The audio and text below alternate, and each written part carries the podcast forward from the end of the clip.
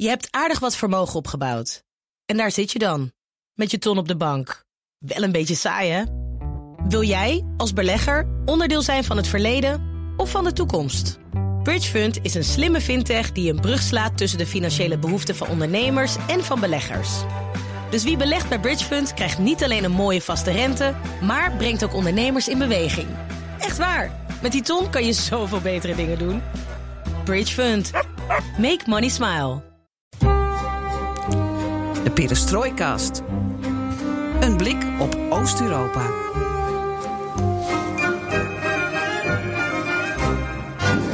Welkom bij BNR Perestrooikast, de enige podcast van Nederland die volledig oog voor het oosten heeft. Nog een maand en dan zitten we een jaar lang zijn we bezig met deze geweldige podcast. Dat is even leuk. De koffie staat klaar, want we gaan het hebben over iets anders dat uh, sinds deze maand uh, gebeurt, namelijk Kroatië, voorzitter van de Europese Unie. De Kroaten hebben zich voorgenomen de EU-droom voor Noord-Macedonië en Albanië nieuw leven in te blazen. Mm -hmm. Maar gaat ze dat lukken? Ja, daarover praten we in deze perestrooikast met een Balkanhistoricus die we in een van de eerste uitzendingen te gast hadden, namelijk Geert Lutijn.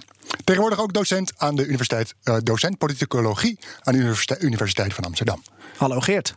Hallo. Hoe gaat het? Ja, heel goed. Ja, lekker de Balkan aan het volgen? Zeker. Ja. ja.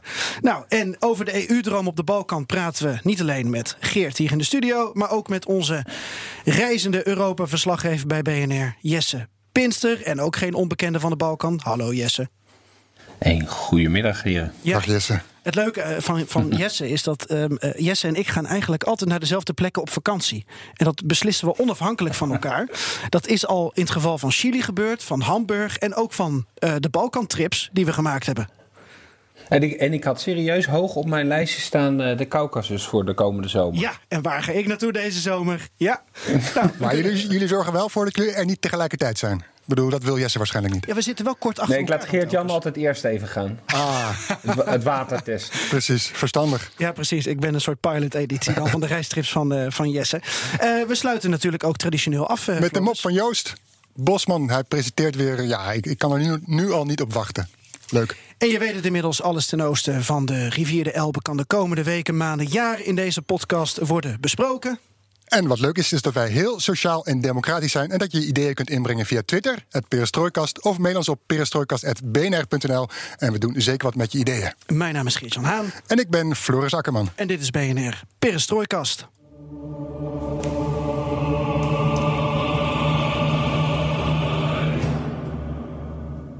En dan gaan we het eventjes hebben over uh, de laatste ontwikkelingen. Ja.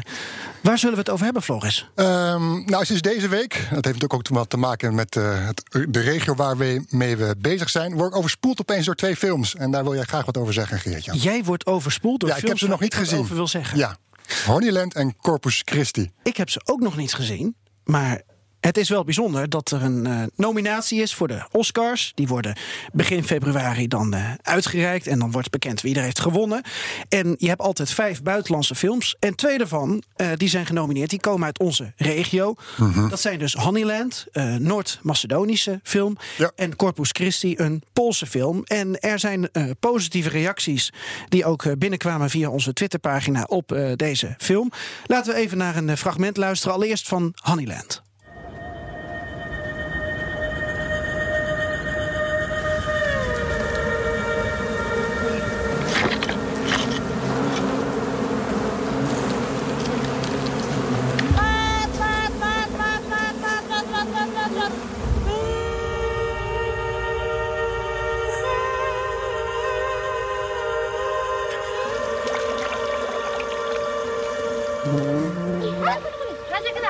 Ja, en deze documentaire, deze film, gaat dus over de laatste wilde bijenhoudster, imker Mhm.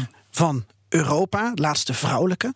En uh, ze probeert dus uh, ja, de bijen te redden in een ruraal berggebied op de Balkan. En de reacties zijn daverend. Ik zag ook een affiche ervan in de bioscoop waar ik afgelopen het weekend was. Alleen toen wist ik nog helemaal niet dat het dus een Noord-Macedonische film was. Maar heel veel mensen reageren met dat ze er een warm gevoel van binnen Mhm. van kregen. Op Twitter, hè? Ja, bijvoorbeeld Mitra Nazar, de NOS-correspondent die trouwens naar Turkije gaat. Ook de artistiek directeur eh, van ehm, het welbekende Easter Neighbors eh, eh, concept en het fe- festival, eh, Rada Sesic, die ehm, zegt dat het een prachtige film is. En Renier Jaarsma die reageert met hele mooie, indringende film over een levenswijze op de Balkan die op de tocht staat. Schitterend, markant portret, wars van enige dramatisering en ook schitterend geschoten. Geert, toevallig gezien? Nee, nog niet helaas. Maar ik vraag me wel af van eh, wat, wat betekent dat precies, eh, wilde bijen? Betekent dat dat ze dan niet in zo'n kast zitten en dat ze dan dus eh, dat je ze- dat ze op andere plekken moet vinden? Dat vind ik een hele goede vraag. Eh, ik zag uit het fragment dat jij het zo, zo even hoorde, eh, dat heb ik even gezien, een korte trailer, dat ze een steen wegpakte en daarachter, daaronder zaten die bijen. Maar meer weet ik ook niet van. Eh, ik heb die film ook niet gezien. Jesse, jij, heb jij een antwoord erop? Nee, ik heb het nog niet gezien. Ik zag wel eh, op Twitter dat er eh, mensen alvast benadrukten dat ze meer nominaties binnen hadden gehaald dan de Fransen. Maar goed, daar komen we ongetwijfeld zo meteen nog wel over te spreken. Maar omdat de film zowel de beste documentaire als beste buitenlandse film nominatie binnen heeft. En volgens mij hebben de Fransen alleen met eh Les Miserables, als ik me niet vergis, een nominatie binnengehaald. Dus 2-1 in de strijd Noord-Macedonië tegen Frankrijk. Heel goed. Heel goed. Eh, ook de oud-ambassadeur in eh, eh, Letland trouwens, de heer Langeberg, die vond het een prachtige film. En er is ook nog iemand die reageert en zegt dat het een, eh, ja, een parabel van deze tijd is, over deze tijd. Dat kapitalisme, hè, dat natuur en natuurlijke manier van leven verwoest. Dat zijn dus mensen die eh, gereageerd hebben op deze film. We wachten dat af. En de concurrentie komt dus uit Polen. Kiedy Bóg do nas mówi? Czasami zdarza mi się popełnić jakiś grzech, jakieś zło. Czasami myślimy, że niemożliwe, żeby Bóg tak chciał. W imię Ojca i Syna i Ducha Świętego. Amen. Ja, dit is het eh waargebeurde verhaal van een jongen die in jeugddetentie zat in Polen en daarna doet alsof hij priester is. En Iwona, eh, die eh, in aflevering 24, 25 Over boeken, literatuur. over literatuur bij ons te gast was, die eh, eh, duimt voor Corpus Christi en eh, zegt dat het echt een bizar verhaal is, briljant vertolkt door een jonge acteur die nu zijn doorbraak beleeft. En het is ook een heel universeel verhaal, tegelijkertijd ook heel Pools. Ja, Jesse, eh, we gaan het straks met je ook nog even over Polen hebben. Deze toevallig wel gezien? Nee, ook niet. Nee. Je zei het al, ik zat in Hamburg, wordt alles nagesynchroniseerd. Daar word ik niet zo vrolijk van, dus ik heb niet zoveel films gezien. Oh ja, dat doet me denken aan dat ik Leonardo DiCaprio een keer Duits heb horen praten. Dat was heel eh, indrukwekkend, van een andere orde. Eh, Ik wil net zeggen, gaan we het daarover hebben? nee, nee, nee. Oké, nee. Nou, Geert, ik ga hem ook aan jou vragen. Corpus Christi. Nee, ook niet gezien. Ik ben wel ook heel benieuwd. Ik heb ook in, eh, in Polen een jaar gewoond. Dus eh, ja, ben Ja. benieuwd. Wat is de laatste film die jij gezien hebt? Ga ik dan gewoon even vragen. Over de regio bedoel je dan? Of überhaupt? Eh, nou, over de regio. Goeie vraag. Ik zou, ik- er schiet mij niet spe- specifiek iets te binnen. Maar ehm, ja, eh, een van de films die ik eh, niet heel erg lang geleden terug heb gezien... is Otats na Slusben om Putum. Dat is uh, When Father Was Way on Business in, in het Engels. Ehm, en dat is een, een buitengewoon interessante film, maar geen recente film. Dus... ehm, ja, dus er er moeten nog recentere zijn, maar er schiet mij niks te binnen op het moment. Oh, maar tips zijn altijd welkom, dus dit is wel een hele leuke. Wat ik wel gezien heb, eh, Floris, Jesse, Geert, is... Floris. eh, Floris is in Europa. Dan hebben we weer een derde Geert die we bij dit programma betrekken. Eh, de serie van de VPRO van Geert Mak. Ehm, de aflevering over Bosnië met erg goede recensies ook. En die heb ik dus zelf ook gezien. Dus ik dacht, ik pak ook daar nog even een fragment van. I ujutru imao sam običaj doći na kafu s prijateljima popiti. Tako jednog jutra pijemo kafu kad čovjek ulazi na vrata, ja gledam u čovjeka, ne mogu da vjerujem. Poznao sam ga. E, bio je to čovjek koga sam ja. Ja, dit is het fragment van een man, een Bosniak, een moslim, die in de oorlog een Bosnische Serviër dacht te hebben doodgeschoten. En op een dag kwam hij in een koffiebar waar hij elke ochtend zijn koffietje drinkt, een man tegen die verdomd veel op deze man leek. Hij sprak hem aan en het bleek de man te zijn die hij had vermoord. Die bleek dus nog te leven, ondanks de 10 à 15 kogels die hij er doorheen had gejast. Zo vertelde hij prachtig en profiel in eh, deze eh, aflevering. En het zijn goede vrienden geworden. En samen voor de camera vertellen ze over de verschillen van mening die ze hebben, over de oorlog, over hoe ze moeten leven met elkaar.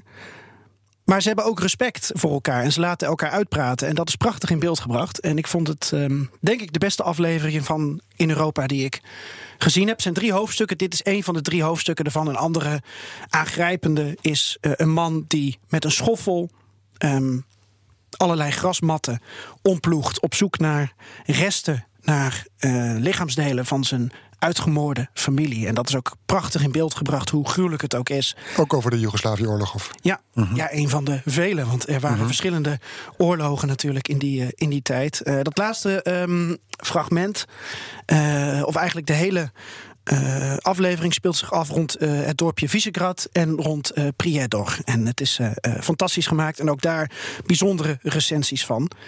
Zal ik hem nog één keer vragen of ze hem gezien hebben? Ja, ik eh, antwoord in ieder geval negatief. Nee, ik nee, heb hem niet nee, gezien. Eh, we kunnen Jess en Geert ook over. Oh, Geert, jij? Nee, ik ook niet. We hebben, we hebben wat in te halen de komende weken. Ik denk dat ik veel te veel tijd heb. Maar als, we tips geven, dan heb ik er nog wel eentje. Ja. Geen filmtip, maar een, filmfestivaltip. Ik was afgelopen zomer in Prizren in eh, Kosovo. Daar hebben ze in de zomer een heel leuk documentaire festival. Hele mooie films ook over de regio gezien, maar ook eh, over daarbuiten. Heerlijk zomers. Je kan dan met een... Een, een, eh, een van de bioscoopjes is gebouwd boven het riviertje in de stad. En daar zit je dan s s'avonds boven dat riviertje. Zit je heerlijk naar een, een, een mooie documentaire te kijken. Ga daar vooral een keer heen als je de kans hebt. Prizren. Leuk. DocuFest. Daar was Geert-Jan nog niet geweest. Dus. Nee, het staat zeker op mijn, eh, mijn lijst. We kregen nog tot slot een, het eh, eh, eh, voorstel van Arja om Honeyland eens een keer bij ons uitgebreider te bespreken. Dus wie weet, Ja. als de Oscars naderen, dan kunnen we daar eens aandacht Zeker, lijkt me een hele mooie. Of anders, Corpus Christi kunnen we ook weer erbij pakken. Ik heb me laten vertellen, Floris, dat jij een boek hebt gelezen. Ja, jij doet het alsof het heel bijzonder is dat ik een boek lees. Ja. ja, ik ben... eh, ik ben Hoe kom je erbij? Ja, het is bizar. bizar. Het, het, het bestaat. Ehm, na jouw eh, geprezen eh, Het Achtste Leven, dat ik ook heb gelezen, dacht ik, ik duik even in de geschiedenis. Even weer een ander soort thema. Ehm, dus ik, ben, ik heb het ge, De ben- geschiedenis. De geschiedenis. Ik ben, dat ken jij waarschijnlijk ook wel, eh, de Krimoorlog van Orlando Fages aan het lezen. Ja, dat is die man die zijn eigen recensies publiceerde. Ja, toch? precies. Ja. Eh, ik zat erop te wachten dat je daarmee zou komen. En terecht ook even deze kanttekening. Ook een briljant historicus. Ja, de Krimoorlog of de vernedering van Rusland. Ehm, het is altijd goed om even in de geschiedenis te duiken. Zeker belangrijk in Oost- en Centraal-Europa. Ik bedoel, het bepaalt nog altijd eh, het doen en laten van die landen. Meer dan wij in Westen. Zij zijn ook geneigd naar, of eh, kijken ze ook terug. Wij kijken graag vooruit. Ehm, maar wat me opviel, en ik heb het nog niet uit hoor, maar ehm, bij de eerste 100 pagina's ongeveer, 160, dat de geschiedenis zich herhaalt. Je kan het boek ook wel een beetje als een voorspel zien wat er in de 20e en 21e eeuw gaat gebeuren. Wat betreft oorlogsvoeren, de, de, de tactiek, tactieken, de, de, de, eh, de wapens die worden gebruikt. Maar ook de bondgenootschappen, Westen, Frankrijk, Groot-Brittannië versus Rusland. Strijd om de Balkan, eh, de strategische ligging van de Noordkust van de Zwarte Zee, inclusief de Krim, belangrijk voor Rusland. Het Midden-Oosten, het lot van de Krim-Tataren, eh, Tataren, geopolitiek. Dus het was een soort spiegel die ik eigenlijk zag. Ehm, wat me ook nog opviel was dat religie een belangrijke rol speelt. Hè. Rusland werpt zich op als beschermheer van het orthodoxe geloof tot aan eh, Servië toe. Hè. Proberen ze daar de Servische autonomie eh, te bevorderen. Eh ander verhaal is dus dat Kroatië weer katholiek is. Dus Kroatië kijkt weer meer naar West-Europa. En Servië heeft ook oog voor Rusland. Dus dat is ook alweer terug te voeren op de geschiedenis. Ehm, wat je ook ziet en wat, ja, wat gewoon zo... Ja, wat, ik, wat, ik, wat ik me over ver- verbaasde, was het, het en dat kun je één op één leggen met nu het sterke wantrouwen richting Rusland. Vooral bij de Britten. Eh, Rusland is concurrent als grootmacht. En dan is er vooral de angst voor de Russische expansie en militaire macht. Eh, en dan zijn er een heel. Eh, Schrijft Vages in heel Europa opvattingen over Rusland. eh, die worden bepaald door angsten en fantasieën. Pamfletten, reisverhalen in de politiek gaat het over de Russische dreiging. Eh, Rus- Rusland vormt een bedreiging voor de vrijheid en beschaving van Europa. Eh, barbaarse grootmacht van nature agressief, op expansie gericht. En sluw genoeg om tegen het Westen samen te zweren. en in maatschappijen te infiltreren. Het zaaien van tweedracht, verwarring in Europa. en erop gericht om heerser van het Europese continent te worden. En je punt is history repeats. Ja, fantasierijk, fantasierijke eh, geschriften eh, schrijft Vages. Maar waar of niet, eh, ze beïnvloeden toen buitenland, het buitenlandse beleid van Londen en Parijs. En ja, we hebben het hier, wat ik nu, het boek van de Krimoorlog gaat, eh, waar ik nu op, op doe, is over de eerste helft van de 19e eeuw. En Vages schrijft in een voetnoot. je ziet een parabel, een parallel met de Koude Oorlog. Ik wil eraan toevoegen, je ziet ook nog een parallel met de 21ste eeuw. Nog een actuele aanleiding dat je dit bent gaan lezen? Nee, niet echt.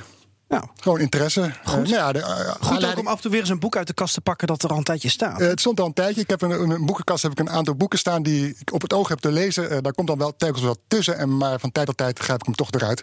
En dit is dit keer het slachtoffer geworden. Geert Lutijn, ben je nog iets aan het lezen momenteel waarvan je denkt van nou, dat, dat kan ik wel even delen?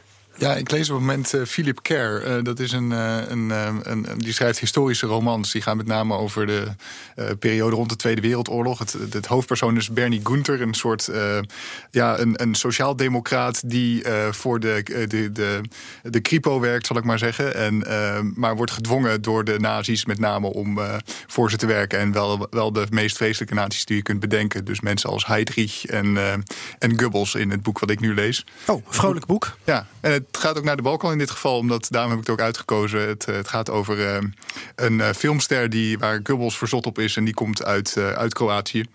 En eh, hij de- wordt dus naar Kroatië gestuurd om de vader van deze actrice te, te vinden.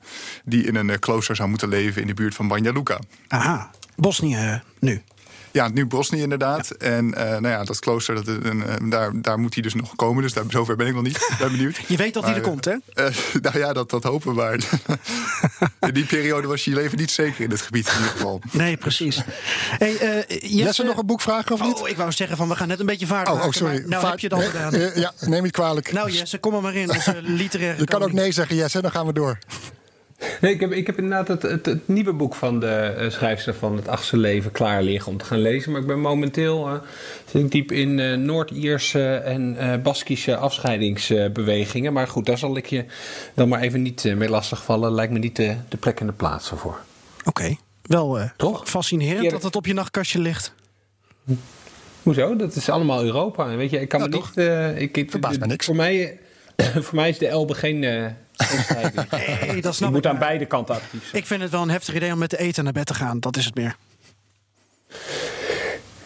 Ja, als je het zo formuleert, wel ja. Oké, goed, punt. Jesse, eh, Polen, we willen het daar graag even met je over hebben. Jij bent de Europa-verslaggever van BNR. Eh, je doet regelmatig verslag van wat er allemaal gebeurt. Ook in de grote regio die wij bestrijken. En er is het een en ander weer aan de hand met eh, Brussel... dat maar geen genoeg kan krijgen van Warschau en Boedapest op juridisch vlak. En vice versa waarschijnlijk ook. Ze vliegen elkaar weer in de haren. Wat is nu het laatste nieuws? Wat is er aan de hand? Dat eh, de Europese Commissie aan het Europees Hof in Luxemburg gevraagd heeft om direct en ook heel snel een einde te maken aan het eh, functioneren van wat dan heet de disciplinaire kamer van het Poolse Hoge Rechtshof. En eh, nou, dat klinkt allemaal misschien wat Brussels en wollig, maar ehm, het direct een einde maken aan het functioneren daarvan, dat is nee, normaal doet de Europese Commissie tikken op de vingers als het eh, om Polen en ook Hongarije gaat. Dit is eh, alsof ze ergens een hamer gevonden hebben en eh, die hand eronder gelegd hebben en nog eventjes flinke ramp proberen uit te delen. Dus dat is wel even wat anders. Ehm, misschien is het goed om even uit te leggen wat die disciplinaire kamer dan, dan precies is. Doe, je, doe dat eens even. Denk ik, hè? Ja, ik- kijk, je moet terug naar die, die, al die hervormingen die ze in, eh, van de eh, gerechtelijke macht die ze door wilden voeren sinds 2015. En de kern eigenlijk van deze disciplinaire kamer is dat die nee, een soort van indirect gekozen wordt door politici. En dat ze ook verantwoording af moeten leggen aan eh, diezelfde politiek of de regering eigenlijk. En ondertussen kunnen ze allemaal straffen uitdelen en aan rechters die dingen doen waar ze niet zo blij mee zijn. Dus ze kunnen eigenlijk rechters gewoon de mond snoeren. Dat is in ieder geval de kritiek. Er is één lastige rechter die volgens mij 55 claims aan zijn broek heeft eh, gekregen. Nou, daar was al eerder van gevraagd vanuit Brussel, vanuit de Europese Commissie. hey, rechters in Luxemburg, kijk daar nou eens een keer eh, naar. Ja. Dat was november, december, denk ik, dat die met een uitspraak kwamen. Die was, moest je wel heel goed lezen om te doorgronden wat daar nou gezegd werd. Maar het kwam er eigenlijk op neer dat ze toch erg veel kritiek hadden op de onafhankelijkheid of het gebrek daaraan van deze disciplinaire kamer. Maar dat ze het uiteindelijk lieten aan het Hoge Rechtshof in Polen zelf om daar iets mee te doen. Nou, die hadden vrij vlot hun antwoord klaar en die zeiden niks aan de hand. Hartstikke onafhankelijk, geen probleem. Nou, ja, en dat heeft dus eh, deze eh, stap van dinsdag uh, geforceerd. En nu loopt er dus een spoedprocedure en zullen de rechters in Luxemburg, nee, die kunnen dan zeggen. En nu moet daar gestopt worden met het werk wat die disciplinaire kamer doet. Het lijkt een beetje op wat er gebeurd is toen met dat oerbos. Toen hebben ze ook. Uh-huh. Weet je, de, de, jullie kunnen ongetwijfeld uh, beter uitspreken hoe dat uh, bos heet. Biologiska? Ja, bij Białystok. Ja. Ja, daar. Um, nou, daar waren ze bomen aan het kappen. En daar is ook toen een spoedprocedure geweest dat ze daar direct mee moesten stoppen. Maar in hoeverre is het nou puur een Poolse kwestie? Ik bedoel, die Polen mogen toch zelf bepalen wat ze uh, met een rechtelijke macht doen. Uh, de PiS is hey, gekozen. Jij hebt, het, jij hebt, het, statement van de Poolse regering gelezen. Ja, precies. Uh, PiS is toch gewoon een gekozen, gekozen, gekozen partij, zit in de regering. En ja, het volk heeft die voor, nou ja, voor die partij gekozen. Wat, wat is er dan mis mee? Daar is hem weer hoor, het nou volk. Ja, ja precies. De, dan gaat het toch over of het allemaal ook in lijn is met de Europese wetgeving. En dat is waar de, de rechters in Luxemburg dan nou ja, hun, hun zegje over moeten doen. En um, die zijn dus van mening dat er toch wel een hoop af te dingen valt. Ik formuleer het een beetje voorzichtig, omdat ze niet hebben gezegd: deze disciplinaire kamer is niet onafhankelijk. Um, maar ja, je hebt een hoop ruimte, zeker als het uh, gaat om hoe je je juridisch systeem precies wil inrichten. Maar daar zitten wel een soort uh, basisvoorwaarden aan dat het een beetje binnen het Europese kader blijft passen. En dat is waar Polen de hele tijd op die grens daarvan aan het dansen is, samen met Viktor Orbán. Ja. We zagen dit weekend ook protesten tegen die uh, tuchtkamer, om het zo maar even te noemen, toch? Dan kan ik zo zeggen, tuchtkamer. Um, mm. Ook Nederlandse rechters uh, waren erbij betrokken. Um, weet jij iets, Jesse, uh, hoe, hoe de PiS-kiezer hier over denkt? Ik snap dat het misschien lastig is vanuit Nederland en vanuit je, misschien je Europese Unie, Brusselse kijk. Nou, niet heel specifiek op dit, dit kleine punt. Weet je, Breda is natuurlijk wel dat, er, uh, uh, dat die kiezers misschien ook wel uh, de lijn van de partij wat meer zullen volgen. Die zeggen van ja, we hebben te maken met een, een, een, een oud systeem, wat dan een soort erfenis uit het communisme. En die rechters zitten er nog steeds. En we moeten dat toch eens een keer gaan opschonen en naar deze tijd. dus ik kan me voorstellen dat een kiezer van de PiS-partij daar misschien ook wel een NT mee kan gaan. Maar ja. ik moet zeggen dat de hele gedetailleerd hoe ze over deze tucht- of disciplinaire kamer uh, denken, dat, dat ik dat uh, niet helemaal durf in te schatten uh, op dit moment. Geert, je bent docent politicologie aan de UVA. Je, je, vertelde me vooraf dat je ook bezig bent met transitie van dit soort landen, van communisme naar democratie. hoe kijk jij tegen deze Poolse activiteit aan? Nou ja, ik, ik denk dat uh, de mediapolarisatie in Polen een belangrijke rol hierin speelt. Dat uh, de verschillende uh, kranten en welke kant je leest, maakt enorm veel uit voor hoe dit, dit soort thema's worden uitgelicht. En ik denk dus dat heel veel PIS-kiezers deze informatie op een vertekende manier tot zich krijgen. En dat er daarnaast een heel groot gedeelte van de Poolse bevolking is die dit soort dingen wel in perspectief kan plaatsen. En hier dus ook tegenover in protest zal komen. Zeker in de steden zullen er veel mensen zijn die dit ook uh, veroordelen. Herken je dit ook van uh, Balkan? Politiek propaganda? Ja, de situatie is niet overal op de Balkan wat dat betreft hetzelfde. Um, um, kijk, in, uh, in, in een land als Servië is, is waarschijnlijk op dit moment de, de media uh, verder buitenspel gezet dan in Polen bijvoorbeeld. Uh, terwijl ik denk dat dat in Kroatië waarschijnlijk ietsje minder is. Um, dus daar zijn regionaal wel wat verschillen in. Maar ja, zeker speelt het medialandschap in elk van die landen een belangrijke rol in hoe dit soort, dit soort conflicten worden gezien. Ja, gaan we zo doorpraten over de Balkan. Jesse, tot slot. Uh, jij praat natuurlijk ook mee over Kroatië zo met ons. Maar even om het Poolse verhaal uh, af te ronden. Uh, dat ligt dus nu in Luxemburg. Ja, en dat is een, een, ander punt hierover wat wel interessant is. We hebben natuurlijk sinds 1 december is er een nieuwe Europese commissie, die commissie von der Leyen. En het was natuurlijk ook een beetje afwachten hoe die zich ging opstellen ten opzichte van de rechtsstaat in Polen, in Hongarije. Vooral omdat haar toon toch heel erg was van ja, we moeten met elkaar in gesprek en we moeten niet te veel oordelen daarover. En weet je, dus er leek wat meer ruimte te zijn voor het verhaal van de Poolse en de Hongaarse regering dan er wellicht was toen uh, Jean-Claude Juncker en vooral natuurlijk Frans Timmermans uh, zich uh, met dit onderwerp bezig hielden. Maar nu zie je toch dat Brussel, de Europese Commissie, nog steeds zijn tanden wel wil laten zien. En uh, als je, uh, nee, ik heb ook goed geluisterd naar wat von der Leyen ook in de aanloop naar haar uh, verkiezing als voorzitter van de Europese Commissie heeft gezegd. Daar zat altijd wel een soort duiding in van we moeten het misschien wat meer aan die rechters laten in Luxemburg. Weet je, dus niet een soort politieke strijd tussen Brussel en Warschau met nou, de hele artikel 7-procedure en sancties die daar mogelijk uit kunnen komen, maar die toch nooit uitkomen, omdat nou ja, eh, binnen de. dan moeten ook alle lidstaten akkoord gaan, wat dan weer niet gaat gebeuren, omdat ook Warschau en Budapest elkaar weer afdekken. En nu zie je dus inderdaad dat dit waarschijnlijk een beetje de praktijk van de von der Leyen-commissie gaat worden om nou ja, het toch via Luxemburg eh, te spelen als het om deze issues gaat. Van Polen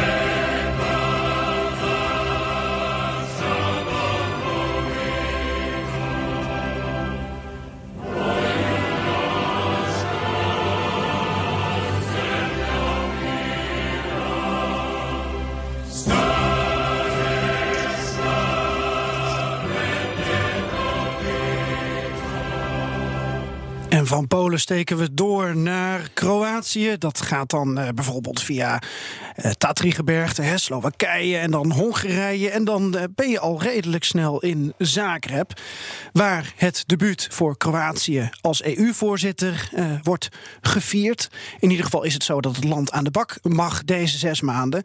En wat staat er nou wel en niet op de agenda voor de EU in de eerste helft van 2020? Dat mag Kroatië als voorzitter voor een deel bepalen. De Brexit, Uiteraard de begroting en de uitbreiding van de EU. En over dat laatste onderwerp gaan we het hebben. Want afgelopen oktober want afgelopen oktober, toen spatte de EU-droom voor Noord-Macedonië en Albanië toch eventjes uiteen, Floris. Ja, dat was wel even een tikkie. Uh, Frankrijk, Denemarken en uh, Nederland uh, zagen het niet zo zitten om verder met deze landen te onderhandelen over toetreding tot de Europese Unie. dus Albanië en Noord-Macedonië blijven even in de wachtkamer. Ze zouden ook niet gelijk lid worden natuurlijk. Klopt, goed. Eerst gesprekken. Ja. maar als EU-voorzitter kun je de agenda bepalen. En Zagreb heeft zich nu als doel gesteld om die afgeserveerde droom voor Noord-Macedonië en Albanië nieuw leven in te blazen. En Kroatië heeft daarbij ook oog voor de EU-ambities van andere westelijke Balkanlanden als Servië, Kosovo, eh, Montenegro en Bosnië-Herzegovina. Ja, met uh, Geert en Jesse gaan we dit uh, lijvige onderwerp te lijf. Uh, Geert, laat ik met jou beginnen. Dit statement van Kroatië vanuit Zagreb: van we zetten dit op de agenda. Goed punt? Um, nou ja, goed. Het is natuurlijk ja, in oktober is dus duidelijk geworden dat, uh, dat er nu dus eigenlijk een beetje een stop is gezet in het, project, in het, in het EU-bijtredingsproject voor de Westelijke Balkan. En dat betekent dat er nu dus um, verschillende plannen liggen om uh, dat proces te hervormen. Tot nog toe was het zo dat er verschillende hoofdstukken zouden zijn in dat hervormingsproces. Hè. Dus op het moment dat je dus een ja krijgt om te gaan onderhandelen, kun je verschillende hoofdstukken openen. En die hoofdstukken die worden dan één voor één eh, behandeld. En als je uiteindelijk al die hoofdstukken weet af te sluiten, dan mag je toetreden. Dat klinkt echt als een spel op deze manier. Nou, dat proces dat, dat, uh, dat was best wel. Dat had een, was wel een beetje een politiek spel. Want alle Europese lidstaten moesten ook weer die, die hoofdstukken die geopend en gesloten moesten worden, ook weer unaniem goedkeuren. Hè? Dus dat was een enorm politiek spel eigenlijk. Dat klopt wel. Um, maar goed, de Europese Commissie had natuurlijk de leiding in dit proces in principe. En uh, de Europese Commissie die heeft gezegd van uh, Albanië en Macedonië zijn klaar om uh, deze, dit, onderdeel van het toetredingsproces te beginnen. Um, maar alleen hebben nu dus de Europese, de, de, Europese Raad heeft gezegd van we, gaan, we stemmen daar niet mee in. En Frankrijk en Nederland en Denemarken hebben daar de belangrijkste rol gespeeld. Maar ja, Frankrijk is eigenlijk de, het land waar het hier om hangt. Want ik denk dat Nederland en Denemarken die zijn, zijn een soort van. Um, ja, uh, opportunistische populisten die zeggen van het komt ons wel goed uit om ook hier tegen te stemmen. Dat, dit, dat ligt goed in het, uh, in het debat in ons eigen land. En uh, uiteindelijk is Frankrijk degene die, die dat mogelijk heeft gemaakt. Want ik denk dat Nederland, als er druk was uitgeoefend vanuit Duitsland bijvoorbeeld, dat Nederland overstag was gegaan. Daar ben ik van overtuigd. Ja, ja, Jesse, als EU-verslaggever, Europa-verslaggever waarom keerden die landen, Frankrijk, Denemarken en Nederland, zich. eh, je, hoorde eh, Geert al een beetje erover spreken. Ik vind dat Geert wel een goede opvolger voor Jesse zou zijn. Die heeft het al in twee zinnen uitgelegd. Nee, ik hou vast aan Ho, Jesse. ho, ho. Nee, ik, ik val mijn mensen niet zomaar af. Eh, waarom keerden die landen, die drie landen, eh, met ieder een eigen Dan motief? word ik docent aan de UvA hoor.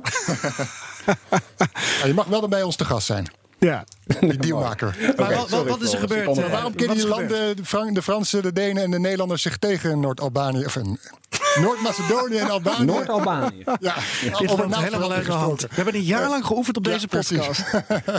Nog één keer. Waarom keerden Frankrijk, Denemarken en Nederland zich tegen Noord-Macedonië en Albanië? Let wel, we hebben het niet over lidmaatschap meteen, maar over eh, gesprekken.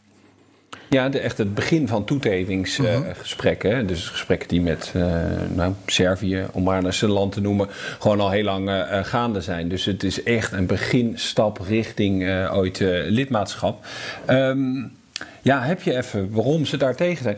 Even een kleine nuance. Nederland ging uiteindelijk, wilden ze wel akkoord gaan met eh, Noord-Macedonië. Ja, ja.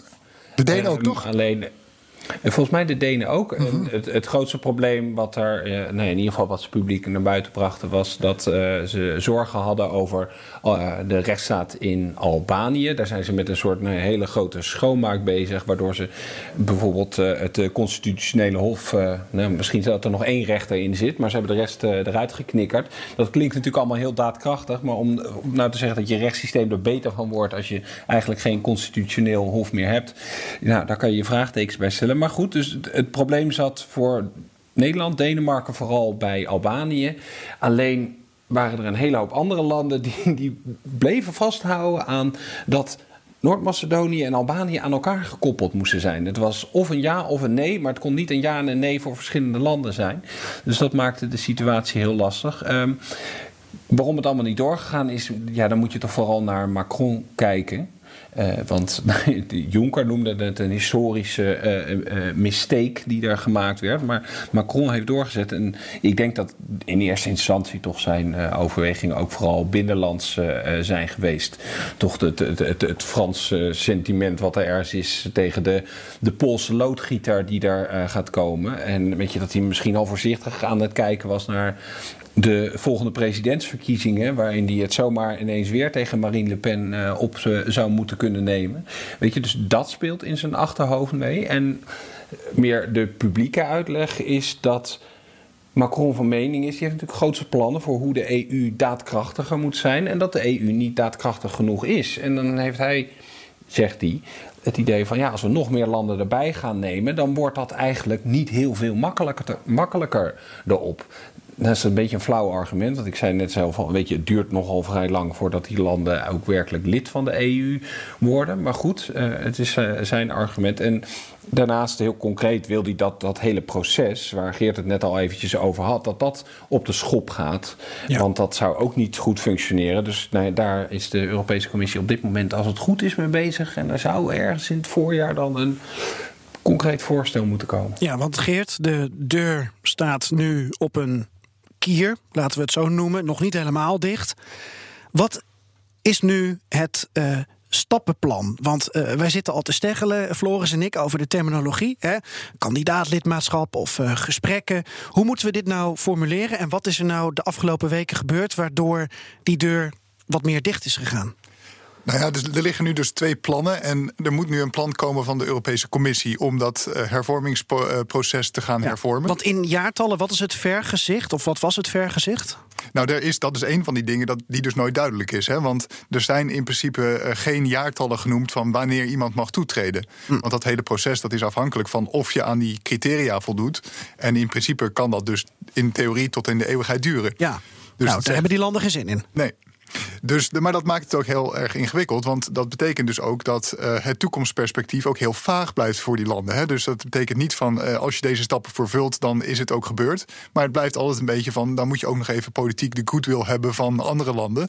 En dan moet er niet toevallig een, eh, een migratiecrisis voorbij komen. Ehm, dus dat, soort, dat maakt het een, een politiek spelletje eigenlijk. Ja, want als je kijkt naar, eh, ik weet niet of we het in, in nummertjes kunnen uitdrukken, eh, in, in stap 1, 2, 3, 4. Stel, stap 4 is het, eh, het einddoel of zo.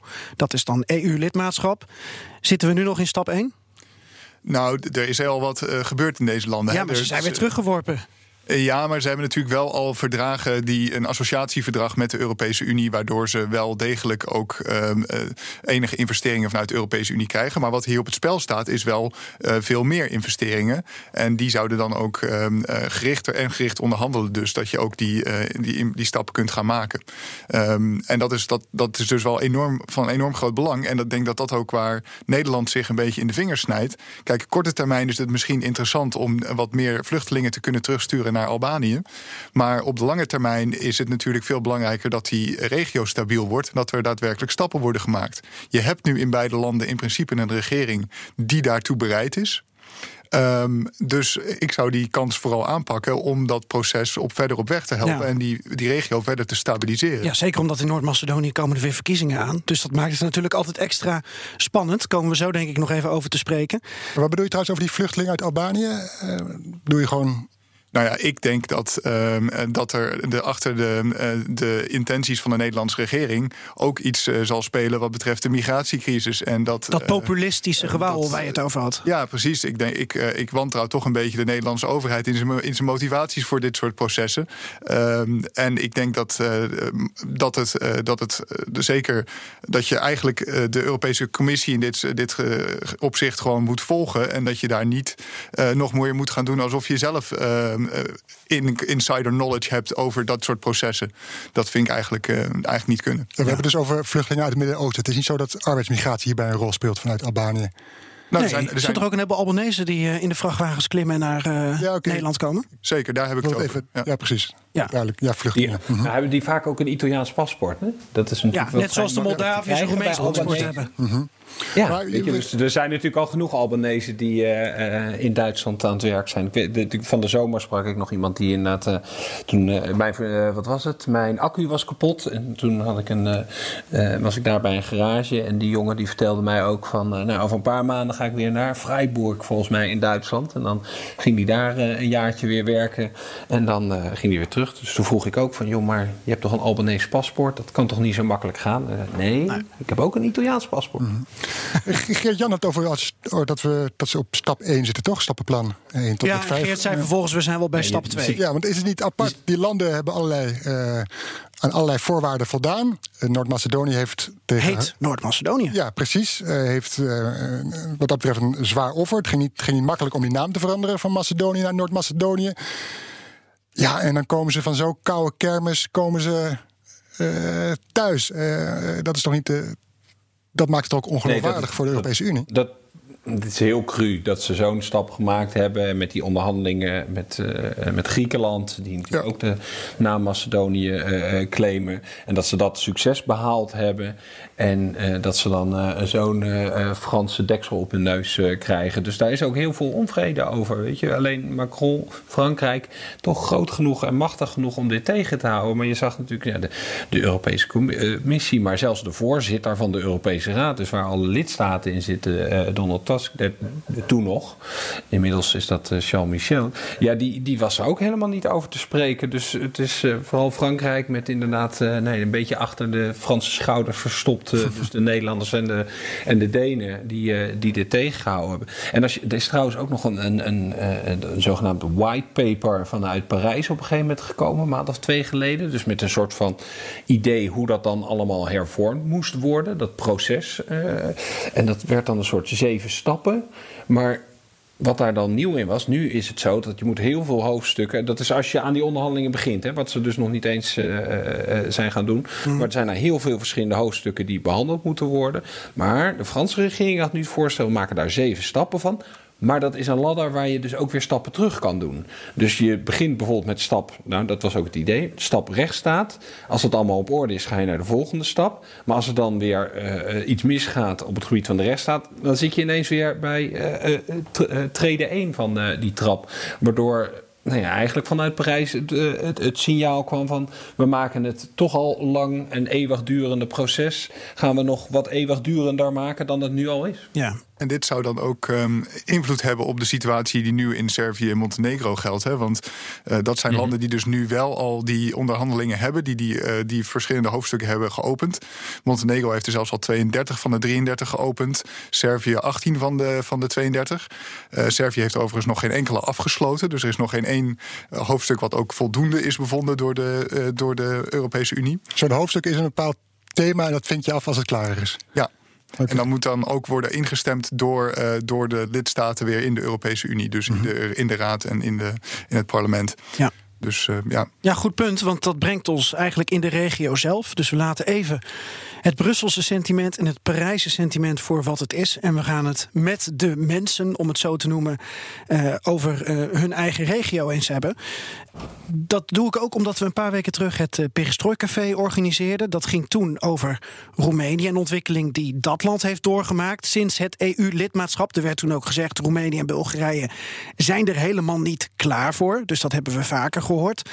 En er ontstond een discussie tussen studenten Lydia en onze gast, de Roemeense Nausicaa Marbé. We hebben er even een fragment van. Ik ben Lydia. Hallo Lydia. Ik ben student aan de UvA. Mijn familie is Kosovaars Albanese. Vertel ons, waarom vind jij Albanië rijp om, om lid van Nou, de Europese Unie te worden? Ik, ik denk niet dat er zoiets moet zijn als een bepaald moment dat een land rijp is. Omdat gewoon, we hebben gezien dat Roemenië en Bulgarije niet per se op dat moment rijp waren toen ze toetraden tot de EU. En ze zijn gerijpt in dat hele proces. Ja. Dat zegt u zelf ook. En dan denk ik van dat moet je dan de andere landen ook gunnen. Zeker met al die ehm, Ja. krachten die er van buitenaf komen. Dus Turkije en die dingen. Ja, Geert, dit is het sentiment vanuit de regio. Geef ons gewoon de kans. Ja, dat lijkt me een heel realistisch sentiment. Kijk, eh, veel mensen in de regio ehm, hebben natuurlijk te de- te- dagelijks te maken met een regering waar ze, eh, die ze niet noodzakelijk voor hun rechten opkomt. Hè. Die, dus dingen als corruptie spelen natuurlijk een grote rol.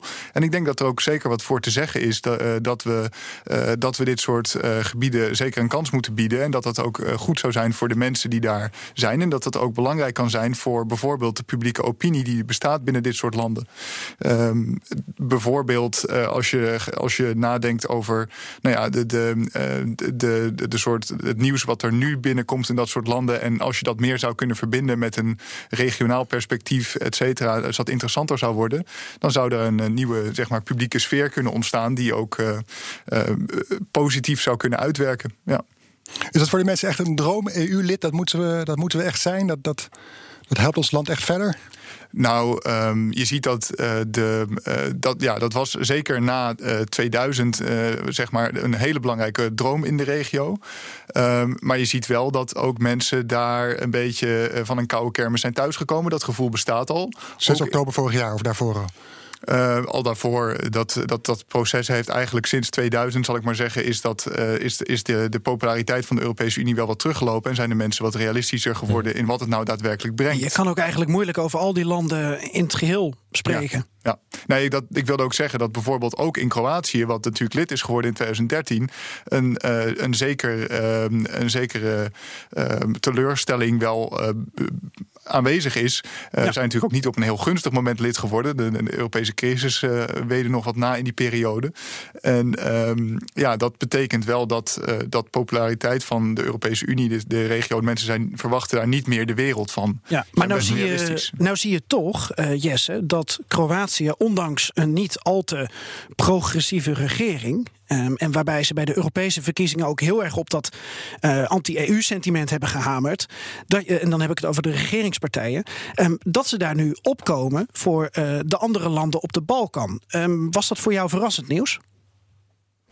Nou, je moet dat ook niet overschatten hoor. Dit A, zeg maar, het, het bepalen van de agenda. Hoe, hoe, eh, hoeveel impact dat heeft. Dat is leuk hoor. Dan kan je, weet je, dat gaat ze vast lukken bij. Ze willen ook eh, eh, sustainable tourism willen ze op de agenda zetten. Nou goed, dat, dat zal ze nog best wel lukken. Maar als het om die toetredingsgesprek gaat, daar is in oktober ook al afgesproken van we gaan hier weer op terugkomen. Weet je, het is een beetje de, de kicking the can down the road, wat ze al een paar keer ervoor hadden. Want Noord-Macedonië en Albanië zouden eigenlijk eh, in, op de top van juni, volgens mij, vorig jaar al uh, duidelijkheid uh, krijgen. Dat werd toen al oktober. Nou ja, goed, zo hebben ze het weer voor zich uitgeschreven. Dus nee, het is meer een toevoeging dat ook Kroatië zich daar hard voor gaat maken. Ja. Um, maar ja, echt opvallend? Nee, toch wel niet. Weet je, je ziet dat ook bij. Um, Neem Hongarije, weet je, dat zit een beetje nou ja, aan de rand van de Balkan dan. Maar die vinden het ook belangrijk dat die landen toch dichter bij de EU komen. Moet je nagaan van Viktor Orbán. Dit is toch niet de grootste cheerleader Waarom vindt hij dat? Uh, Waarom wil je dat zo graag? Nou, dat ook op ja, misschien is Hongarije ook een beetje een problematisch voorbeeld. Want die hebben natuurlijk hele grote uh, uh, Hongaarse minderheden in Roemenië, Servië. in uh, Servië zitten. Ja. Dus dat, dat heeft ook sterk daarmee te maken. Maar deze toch de uitbreidingsagenda is belangrijk voor Hongarije. Het is niet voor niks dat ze zich heel hard ingezet hebben om uh, een eurocommissaris op dat dossier te krijgen, wat ze ook uh, gelukt is. Ja. Wat ook weer een hoop vragen oproept, want dan krijg je dus een Hongaarse eurocommissaris die moet gaan beoordelen of de rechtsstaat in uh, landen als Servië of Albanië, waar we het dan over hebben, of dat wel op orde is. Nog, nog één puntje trouwens, terugkomend op het fragment van, ja. van Roemenië. En wordt gezegd van ja, maar die Roemenen en de, de Bulgaren, die hebben toch ook de kans gekregen om daar een beetje in te groeien. Maar dat is natuurlijk precies hetzelfde, het argument, wat moet ik toch weer even terug naar Frankrijk en Nederland speelt. Als van, ja, dat is allemaal te snel gegaan. Dus van, dat is toen niet goed gegaan, dus dat moeten we niet gaan herhalen. Terwijl er daar wordt gezegd van, hé, hey, zij mochten ook, dus wij mogen nu ook. En als je dat dan koppelt aan de, de, de terugval die je toch een beetje in Hongarije en Polen hebt gezien. Weet je, dat geheel, de brexit misschien ook in een, een zekere mate, een land ja. Wat er weer uit wil stappen. Weet je, dat zorgt toch voor dat, nee, die, die, die uitbreidingsvermoeidheid die je in uh, West, Noordwest-Europa ziet. Ja, maar dat is dan weer het Brusselse, uh, Parijse sentiment. Ja, ja nee, we moesten toch even terug daarnaar nog. Ja, okay. Nautica zei ook dat uh, die kleine landen, of Roemenië op dat moment, juist een grote broer nodig had om, om, om de boel uh, omhoog te trekken. En dat zou nu ook kunnen gelden voor Albanië, voor, voor Noord-Macedonië. En waardoor die landen juist een boost krijgen. Ze hebben die steun nodig. dat zag, ze hebben ook wel eens gezien in Oekraïne van de Europese Unie om vooruit te komen. Mm. Dan kun je dat toch nou, wel doen. We, we hebben het nogmaals niet over dat... toetreding, we hebben het over onderhandelingen. Ja, dat, en, en, het verleden heeft natuurlijk wel uitgewezen, maar dat weet Geert nog beter dan ik, dat juist het voeren van die gesprekken de meeste verandering in een land teweeg brengt. Het lidmaatschap zelf, ja, dan ben je eenmaal binnen. en dan is het misschien iets minder uh, belangrijk om ja, ja. te luisteren naar wat ze allemaal willen uh, vanuit Brussel. Ja. ja, we moeten die, die hervormingen die de Europese Unie in dit soort landen eigenlijk afdwingt met die criteria, uh, niet helemaal wegzetten als, als, als niks voorstellend. Hè? Ik bedoel, een voorbeeld is dat nu in Servië bijvoorbeeld een hervorming van de rechterlijke macht moet plaatsvinden. En dat moet eigenlijk al drie jaar, heeft de Europese Unie gezet en dat gebeurt niet. En dat is dus ook een reden dat er geen ontwikkeling is in Servië op dit moment. Dat de Europese Commissie ook gewoon zegt van ja, hier wordt niet voldaan. Dus dat betekent ook dat het proces uh, niet verder gaat. Ja. Dus daar, daar staat wel degelijk wel echt ook wat op het spel. En dat is dat dus ook een beetje het, het vervelende aan waarom uh, aan het voorstel van, uh, van Frankrijk, vind ik. Dat is eigenlijk een, een beetje in elkaar geflanst voorstel. Met, met acht stappen die dan heel erg breed zijn en helemaal nog niet gedefinieerd zijn. Ja, dat doet eigenlijk geen recht aan het feit dat er eigenlijk al een heel uitgebalanceerd uh, pakket ligt nu. Dus we moeten dat, ja, dat, dat lijkt me niet realistisch om dat zover te hervormen. Uh -huh. Dus de Europese Commissie zal nu wel met een, een verandering voor, uh, voor gaan stellen. Um, ik ben benieuwd of, of ze daar wat kunnen bedenken. Het, het, het, het enige waar ik me kan voorstellen dat het goed zou zijn, is dat er Um, op minder momenten goedkeuring moet komen voor het uh, voor de, voor de uh, afsluiten van die hoofdstukken bijvoorbeeld. Ja. Hè. Dat, dat zou dan voor een bepaalde periode dat er dan, uh, dat er dan wordt afgehamerd na een, een, jaar of drie of zo. En dat het niet nu elke, elke, elke stap moet worden afgehamerd in, uh, in al, die, uh, al die instituties. Ja, en die regio zelf, want er zijn verschillende landen en die zijn op hun eigen manier er wel of niet klaar voor. Welk land is volgens jou goed op weg? Dat is een hele goede vraag. Ik denk dat uh, op dit moment zou je zeggen dat uh, de, de, politieke um, ontwikkelingen in Noord-Macedonië uh, de, de, goede kant op zijn gegaan. daar ben ik dus ook het meest enthousiast over. Ja, en Servië en Montenegro zijn natuurlijk twee landen waar het eigenlijk de verkeerde kant op is gegaan. En waar op dit moment dus het proces daardoor min of meer stil ligt. Ja, maar voor de mensen die, die daar niet zo vaak komen. ik was daar in mei in Montenegro. En toen ehm, kwam ik mensen tegen die al voor de Europese Unie aan het werk waren. Dat waren ambtenaren bijvoorbeeld in Bar. En die waren zich al aan het voorbereiden op het eventuele lidmaatschap van Montenegro in de Europese Unie. Dus dan wordt dat voor niks gedaan. Nou ja, je moet er wel op voorbereid zijn. Ik denk, ik denk dat, dat, dat ze in eh, Montenegro een beetje opportunistisch denken van op het moment dat er een opening is in de Europese politiek, moeten we die kunnen pakken. En ze zitten natuurlijk op, uh, ze hebben natuurlijk uh, uh, 32 van de 33 hoofdstukken geopend in ieder geval. Dus die kunnen ook snel worden afgesloten als ze daar daadwerkelijk de stappen maken. Ja. Um, dus ja, misschien, misschien gaat dat sneller. Ik, ik verwacht het op dit moment niet. En ik denk dat het politieke momentum in de Europese Unie niet op, dat, op dit moment niet zo is dat dat snel zal gebeuren. Jesse, heb jij een land waarvan je denkt van nou, dat, uh, dat heeft de beste papieren? Turkije. Nee. ja, en dan gaat Macron weer nee, voor. Nee, ik, ik, sluit me daar wel bij aan, Noord-Macedonië, met wat zij gedaan hebben. Maar ja, je, je hint er zelf alweer eventjes op aanstaande verkiezingen. Dat land is ook uh, politiek gezien uh, redelijk uh, tot op het bot verdeeld over die naamswijziging. Ja, maar dus heeft dat, uitstekend werk verricht. Ja, weet je, dat kan, uh, kan zo weer de andere kant uh, op, uh, op gaan. En ja, dan heeft Macron dat toch ook deels aan zichzelf te danken. Ja. Um, Jij wil, jij wil een beetje naartoe van, van hoe ze vanuit de regio uh, daarnaar kijken. Ja. Niet zozeer vanuit uh, Brussel. Toen bedacht ik me ineens, Floris, ik heb ook een boek gelezen. dat was een paar weken geleden. Uh, dat wel echt over Oost-Europa ging. Dat is het nieuwe boek van de Bulgaars politicoloog Krastev. Ja. Heeft hij samen met een Amerikaanse wetenschapper geschreven. The Light That Failed.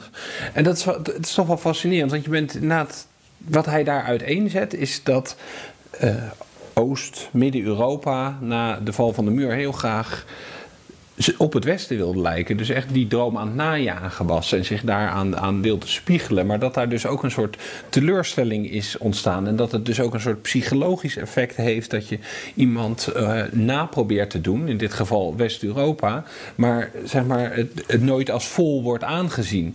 Weet je, het, is meer een soort abstracte uh, gedachte dan misschien het, hele concrete waar we het tot nu toe over gehad hebben. Maar um, dat is natuurlijk wel een, een soort dynamiek die je binnen de EU blijft hebben. Dat het Westen, de, de, de, zes landen die ooit de EU begonnen zijn, zichzelf toch wat meer als het Europa zien. En de rest moet meer op hun gaan lijken. En um, hij zet daar heel fascinerend uiteen welke gevolgen dat heeft. En dat dat misschien ook waarom we nu zo worstelen daarmee. En ook worstelen met Hongarije, met Polen. Wellicht een gevolg daarvan is. Een, een, een, een heel interessant argument. Wat echt tot, uh, tot denken aanzet in ieder geval. Ja. Laten we afspreken dat we aan het eind van het voorzitterschap van Kroatië uh, erop terugkomen wat er is gepresteerd. Komen we nog bij twee kleine punten uit. En dankjewel voor je boekentip trouwens, uh, Jesse. Dat moet ik wel even gezegd hebben natuurlijk, hè, van uh, Ivan Krastev. Um, allereerst, uh, Geert, viel het ons allen op dat Kroatië natuurlijk een nieuwe president heeft gekregen. Wat heeft hij voor invloed en wat kan hij betekenen voor de, voor de, voor de, de Balkanzaak? Ja, Zoran Milanovic is het. Uh, de, het is een, oude premier, hè? Ah, ja, oud premier en uh, sociaaldemocraat. Um, ja, uh, hij heeft natuurlijk nu een relatief ceremoniële functie. Het is niet zo dat de president een, een, veel invloed heeft. de Kroatische premier. Um, André Plenkovic, die zal, zal, toch over het algemeen het voorzitterschap van de EU vooral voor zijn rekening nemen. Ja, van de conservatieve HDZ te zeggen. Ja. Ja. ja, en dat is dus ook de partij die uh, Milanovic heeft verslagen. Uh, HDZ uh, had notabene eigenlijk twee, ehm, twee ehm, kandidaten die ze ondersteunden. Dus waren niet officieel HDZ-kandidaten, wat natuurlijk een interessante constructie is. Um, de, de zittende, of de, de voorgaande dus president, dat was Kolinda Grabar-Kitarovic. Ja, KGK, die leuke dame die tijdens het WK voetbal telkens eh, high fives gaf aan Met Macron. Eh, Toen waren ze nog Ja, ja, vrienden. toen ja. waren ze vrienden, ja. Ja, nou, dat heeft dus niet gewerkt eh, blijkbaar voor de populariteit eh, in het eigen land. Ehm, zij heeft de. Dus er waren twee rondes in de presidentsverkiezingen. In de eerste ronde waren er dus twee HDZ-kandidaten die eigenlijk elkaar het gras voor de voeten weg hebben gemaaid. Ja. Eh, waarbij de rechtervleugel van HDZ, een echt een ra- radicaal nationalistische vleugel, dus deze Miroslav Skoro heeft ondersteund.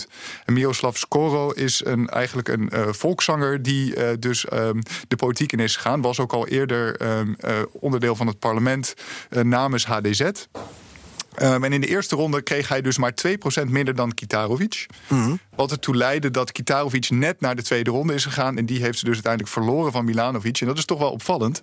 Want de verwachting was toch dat HDZ deze functie ook in de wacht zou slepen. Dus het betekent zeker dat eh, HDZ ehm, een, een, een, een puzzel te leggen heeft. Ja, maar die zittende, of nou ja, die, die nu uittredende eh, premier, die mevrouw, of eh, president, die heeft ook een heleboel fouten gemaakt eh, in de verkiezingscampagne. Die Scoro, ja, mensen kwamen er toch achter dat dat de Frans Bauer van Kroatië was. En toch maar liever niet, hebben ze gedacht.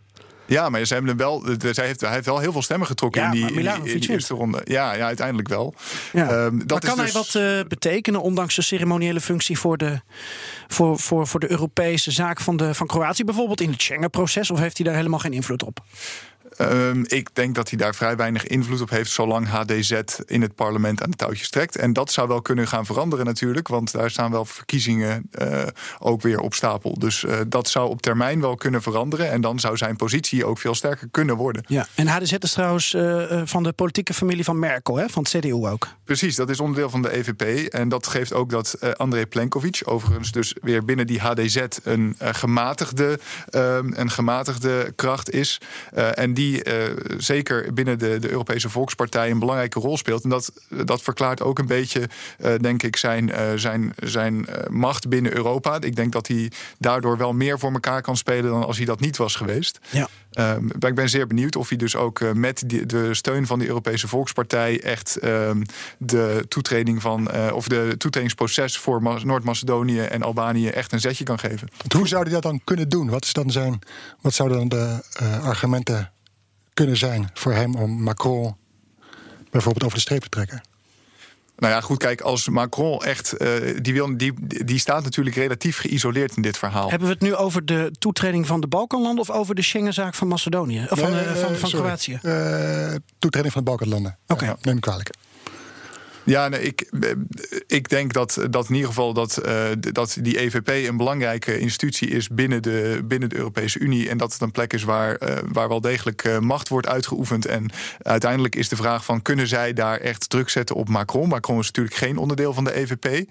Ehm, dus de vraag is van ja, lukt dat ze of, of blijft Macron daar de gewoon stoïcijns zijn eigen ding doen? Ja. Dat wordt op termijn toch lastig. Sorry, Jesse, hoe zie jij dat? Hoe kunnen de Kroaten Macron overtuigen? Het zal nog niet makkelijk worden, want eh, de beste Emmanuel is toch behoorlijk, eh, behoorlijk koppig. Als ik hem een beetje zo meegemaakt heb in de afgelopen jaren. Dus als hij iets in zijn hoofd heeft zitten, dan wil hij dat nog wel eh, vrij hard do- doordrammen. Maar het is absoluut waar dat een, nee, een, blok als de Europese Christendemocraten, de EVP, achter je he- hebben, dat, dat helpt wel. En, en zoals Geert ook al zegt, Macron staat echt geïsoleerd hierin. Ehm dus er is al heel veel druk en irritatie over wat hij gedaan heeft de afgelopen keren. Dus weet je, er komt een moment, dat zou je zeggen, dat ze eh, toch zeggen van nou, we moeten die gesprekken gaan beginnen. Of misschien dat ze toch die twee landen een keer echt los gaan koppelen. Noord-Macedonië wel, Albanië nog een keer voor zich uitschuiven. Dat eh, zou ik ook niet uitsluiten. Ja. Laatste vraag komt van eh, luisteraar Joost van Os. En ik noemde het al even. Kroatië en Schengen. Eh, Roemenië en Bulgarije is het tot dusver niet gelukt om in de Schengenzone te komen. Kroatië, eh, dat zou eraan zitten te komen. eh, maar het is ons toch nog een beetje onduidelijk hoe en wat en vooral wanneer. Weten jullie daar iets meer van, Geert, Jesse? Ja, ik heb wel een Nou. beetje... Ja, weet jij het, Jesse? Geef maar Wie- wie- wie tijd durft? winnen. Geert, nou, Ik wil wat tijd winnen, geloof ik. Jesse, jij eerst. Oké, ehm, de afgelopen najaar heeft de Europese Commissie gezegd van eh, het eigenlijk groen licht. Van nou, ze hebben aan alles voldaan. eh, ze moeten wel eh, de, consequent dat blijven eh, doorvoeren. Dat ging dan met name over eh, buitengrenzen eh, beschermen. Dat is natuurlijk wel een onderwerp zeg in Kroatië. De, de, de verhalen dat eh, de Kroatische politie migranten die de Balkanroute via Bosnië gebruiken, gewoon de grens weer eh, eh, overslaat. Weet je, er zijn heel veel eh, rapporten inmiddels van NGO's al over verschenen journalisten die daar verslag van gedaan hebben. Maar goed, daar neemt de Europese Commissie niet zo'n aanstoot aan, lijkt het. Maar ja, nu is het weer aan de Europese Raad, de Europese lidstaten, om daar dan ook mee akkoord te gaan. En daar ligt het op dit moment. En nou ja, met het hele speelveld wat we geschetst hebben in het eh, afgelopen nou, kleine uur. Dan zie je wel aankomen dat dat nog niet eh 1, 2, 3 eh, geregeld is om toestemming te krijgen van al die eh, Europese landen. Ja, Geert, wat vind je van de analyse van eh, onze Europa-verslaggever? Nee, daar, daar sluit ik me geheel bij aan. Het, het, het ligt nu bij de Raad en dat Ja. maakt het een politiek spel waarbij alle landen moeten instemmen. Wat willen ze ook de euro trouwens in Kroatië? Jazeker, daar, daar, loopt het ook, eh, al, daar loopt het ook allemaal. Ook al. eh, daar wil in elk geval Plenkovic zou dat ook graag zien. Misschien gebeurt dat wel sneller omdat het iets minder gevoelig ligt. Hè? Ja. Maar ze kunnen het nu op de agenda zetten. Dat is wel hun voordeel nu van het presidentschap. Zeker. Ja. Ja. Jesse en eh, Geert, hartelijk dank Ja, voor, goed- eh, goed voor dit kleine uur. Ja, Goed duo. Kan samen eh, Europa veroveren, Ja, lijkt ons. zeggen, ja. Begin, Eh, begin met de Balkan. Zullen we een afspraak maken voor over een half jaar? Dat we toch eens even terugkijken op, eh, op de Balkanzaak binnen Brussel en, en Parijs dus, waar eigenlijk de macht ligt? Leuk. Laten we dat doen. Oké, dank jullie wel. Geert Lutijn, politicoloog aan de UvA, docent en Balkankenner. Is dat een beetje wat op je visite- visitekaartje nu staat, Geert? Ik moet hem nog drukken, maar dat lijkt me een mooie. Ja. Oké. En Jesse Pinster, ik kan niet vaak genoeg benadrukken dat hij de Europa-verslaggever van BNR is. eh, tegenwoordig alle sentimenten vanuit Brussel en Parijs vertolkend op onze zender. Dankjewel, Jesse. Graag gedaan, Geert-Jan. Dankjewel, Jesse. Joost, voordat we het aftrappen met een goede dijenkletsen van jou, even naar een andere grap die ik eh, afgelopen week in het Financiële Dagblad las van jouw hand. De Lada is bezig met een enorme revival. Nou, enorm, enorm. Met een revival. Dat, dat, Met een dat kleine- een van kleine de, weinige, opleving. de weinige auto's is die in Rusland worden geproduceerd... die een kleine winst hebben gemaakt. Die eh, lichtelijk meer verkocht zijn. 0,6 procent. Nou. Zoveel is het niet. Maar het is in ieder geval tegen een achtergrond van alle andere eh, automerken... die alleen maar verlies leiden, is het, is het een eh, opmerkelijk feit. Punt is natuurlijk dat de Lada ja, voor de meeste Russen... die al zeven jaar hun inkomen niet meer vooruit hebben zien gaan... nog een redelijk betaalbaar alternatief is. Zeker als je het afzet tegen, tegen buitenlandse auto's... die allemaal veel duurder zijn natuurlijk. Ook al worden ze in Rusland geassembleerd... dan nog zijn ze toch duurder. Eh, dus ja, daar profiteert eh, de, de, de, de, de, de, de fabrikant, Avtavas... eh die profiteert daar toch van. En ze werken nu ook aan een elektrische variant, hè, de Zeta. Ja. Ja, ja, ja, wat daarvoor moet komen, dat, eh dat 8000 moeten we maar euro. eh, ja, ja, ja, die is alweer iets duurder dan de, dan de gewone, eh, wat was het, eh, de Granta geloof ik, eh, het meest verkochte model. Eh, maar goed, ja, ook in Rusland zijn de mensen steeds eh, milieubewuster. Dus er is nog wel een hoop in te halen hier, maar het begint wel te komen. Eh, in Moskou bijvoorbeeld rijden al elektrische bussen rond. Eh, dus ja, ook ja, de, de, de autofabrikanten en, en dus ook Lada moeten daar, eh, moeten daar toch ook in mee. En merken mensen dan ook de luchtvervuiling, met name in dat soort steden dan? Eh, en is dat ook een reden om op elektrisch over te gaan? Dat zal ongetwijfeld een van de redenen zijn. Maar ook ja, toch de, de, de, de, de, de, de, de klimaatveranderingen natuurlijk. Hè. Daar, daar is ook Rusland. Ja, die gaan ook niet aan Rusland voorbij. We hebben hier de, de, de warmste zomer, winter ooit in, in, in Moskou. Het is eigenlijk nauwelijks nog onder het vriespunt. En dat is echt absurd. Ja. Dus ja, ook daarin zal Rusland wel een, een, een stap moeten zetten. Ofschoon het ook weer profiteert hè, van, de, van de klimaatveranderingen. Vergis je niet er komt meer olie en gas vrij in Siberië. De hele noordelijke route, vaarroute langs de Noordpool komt open te liggen. En nog, nog even terug naar die eh, eh, Lada-verkopen. Dan hebben we het dus niet over de klassieke Lada die wordt verkocht momenteel eh, heel veel, maar over een, een moderner model. Natuurlijk, de Ziguli die, jij bedoelt. Precies, het, ja. het, het, eh, de, de kopie van de Fiat. Waar je altijd in een taxi zit waar het veel te warm is. eens, maar- Ja, precies. Die, die, die, die, die, die, die trommel, de koekentrommels, zoals we ze noemden.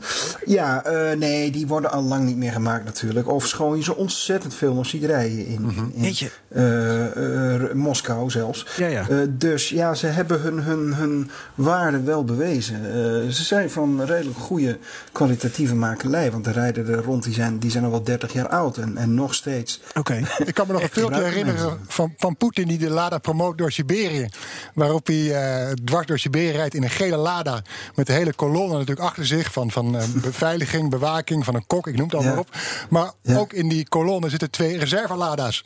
Op een trailer bijvoorbeeld, om te voorkomen dat, hè, dat halverwege de rit eh, zijn Poetins Lada uitvalt. Dan heeft hij altijd nog een tweede of derde achter de hand. Ja, ja. Dus zo over de betrouwbaarheid Ja, en de kwaliteit van de Lada gesproken. Ja. Dit Ja, was dan de nou, klassieke Lada, geloof ik. Overigens vind ik zelf de Lada Niva een schitterend model. Ja, Oké, jongens, 4x4. we gaan nu even naar de mop. Ja, sorry, Ja, ook al- heeft de lei- ook al- Geert-Jan neemt de leiding. Ook al klinkt Joost heel erg als Johan Cruijff met het veelvuldig gebruik van het woord of schoon, maar dat even terzijde. Joost, heb je een mop over een Lada vandaag? Dat moet wel. Nee, nee, niet over een Lada. Eh, we, we hebben hier de, de, de, de, Libië-top gehad eergisteren. En eh, daarom moest ik ineens denken aan een mop over, over Afrika en, en Rusland. Eh, het speelt nog een beetje de Sovjet-tijd. Dat is een Afrikaans president, laten we zeggen van, van Angola of wat ook maar. hè, was een land dat was nauw verbonden met, met, het, met, met, met, het, met de Sovjet-Unie, omdat het ook communistisch was. Die, die president die, die klaagt, die Afrikaanse president klaagt tegen zijn, zijn eh, adviseur van... ja, wat is dat toch met die, met die Sovjet-Unie? We krijgen alleen maar al die boeken met, met, met en tijdschriften en, en, en, en propagandabrochures over Leninisme en, en communisme uit de Sovjet-Unie. Waarom, waarom sturen ze ons niet eens een keer iets beters wat, wat, hè, voor de voeding van onze bevolking? We hebben, we dat, dat hebben we nodig. Nou ja, zegt die adviseur, ik zal het er eens even over hebben met de, de, eh, de Russische ambassadeur hier in het land. En een week later eh, komt de adviseur terug bij zijn, eh, bij zijn, zijn, zijn president. En die vraagt: Goh, nou heb je die ambassadeur nog gesproken? Ja, zegt hij, ik heb hem gesproken, ik heb het doorgegeven. En toevallig is er net vanmorgen een, een schiplading binnengekomen. Een hele nieuwe, geweldige scheepslading binnengekomen vanuit de Sovjet-Unie met, met nieuwe literatuur.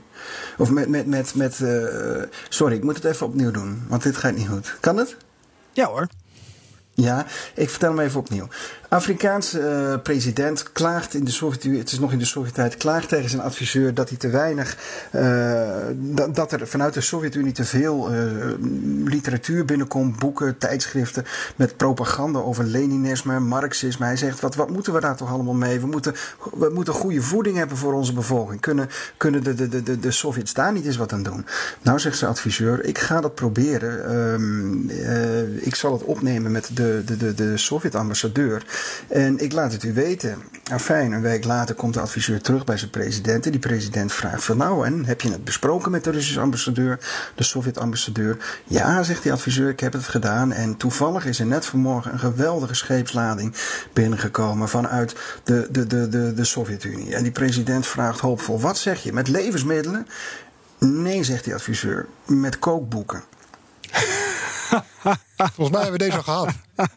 Nee, echt waar? Volgens mij wel, ja. Of Joost heeft een Nee. keer privé verteld. Dat denk ik. Maar dat zou kunnen. Maar Dat komt hoop me ik. bekend voor. Of in een modernere andere versie. Eh, we moeten even in het moparchief Ik duiken. hoor gelijk dat Joost weer wat terughoudender reageert nu. Was niet de bedoeling, Joost. Ik vond het een goede mop. Ja, nou dank je. Ja, ja. ik, ik weet niet of ik hem al vertelde. Ik heb hem misschien een keer aan jou verteld, ja. Maar ik weet, hij staat in mijn lijstje nog als niet vermeld. Maar Oh, oké. dus wat dat betreft. Oké.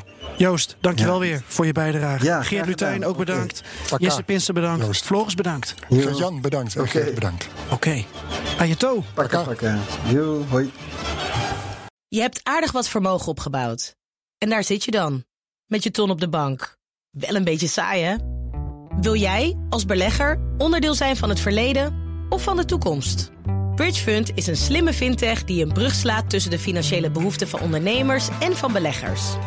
Dus wie belegt bij Bridgefund krijgt niet alleen een mooie vaste rente, maar brengt ook ondernemers in beweging. Echt waar, met die ton kan je zoveel betere dingen doen. Bridgefund. Make money smile.